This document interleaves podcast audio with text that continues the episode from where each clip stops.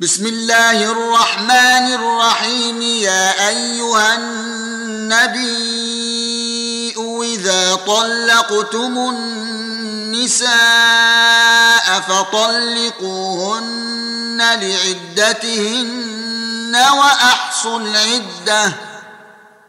واتقوا الله ربكم. لا تخرجوهن من بيوتهن.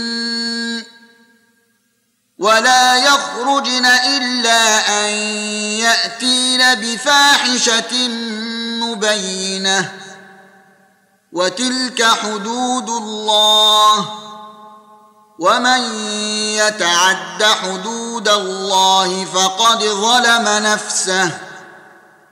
لا تدري لعل الله يحدث بعد ذلك أمرا.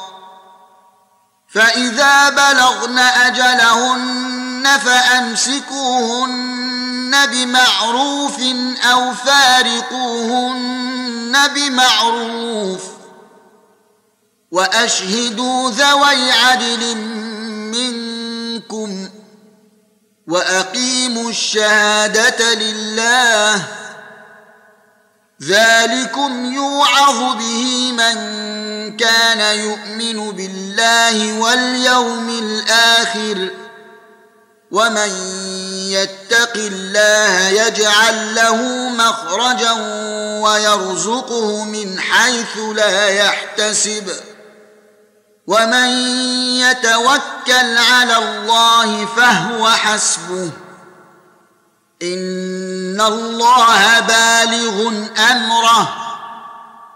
قد جعل الله لكل شيء قدرا. واللائي يئسن من المحيض من نسائكم ان ارتبتم فعدتهن ثلاثة اشهر واللائي لم يحضن واولاه الأحمال أجلهن أن يضعن حملهن ومن يتق الله يجعل له من أمره يسرا ذلك أمر الله أنزله إليكم ومن يتق الله يكفر عنه سيئاته ويعظم له اجرا اسكنوهن من حيث سكنتم من وجدكم ولا تضاروهن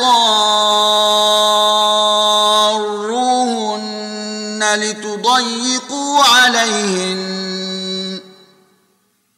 وان كن اولات حمل فانفقوا عليهن حتى يضعن حملهن فان ارضعن لكم فاتوهن اجورهن واتمروا بينكم بمعروف وان تعاسرتم فسترضع له أخرى لينفق ذو سعه من سعته ومن قدر عليه رزقه فلينفق مما اتاه الله لا يكلف الله نفسا إلا ما آتاها. سيجعل الله بعد عسر يسرا. وكأين من قرية عتت عن أمر ربها ورسله فحاسبناها حسابا شديدا وعذبناها عذابا نكرا فذاقت وبال أمرها وكان عاقبة أمرها خسرا. أعد الله لهم عذابا شديدا. فاتقوا الله يا أولي الألباب. الذين آمنوا قد أنزل الله إليكم ذكرا. رسولا يتلو عليكم آيات الله مبينات ليخرج الذين آمنوا وعملوا الصالحات من الظلمات إلى النور.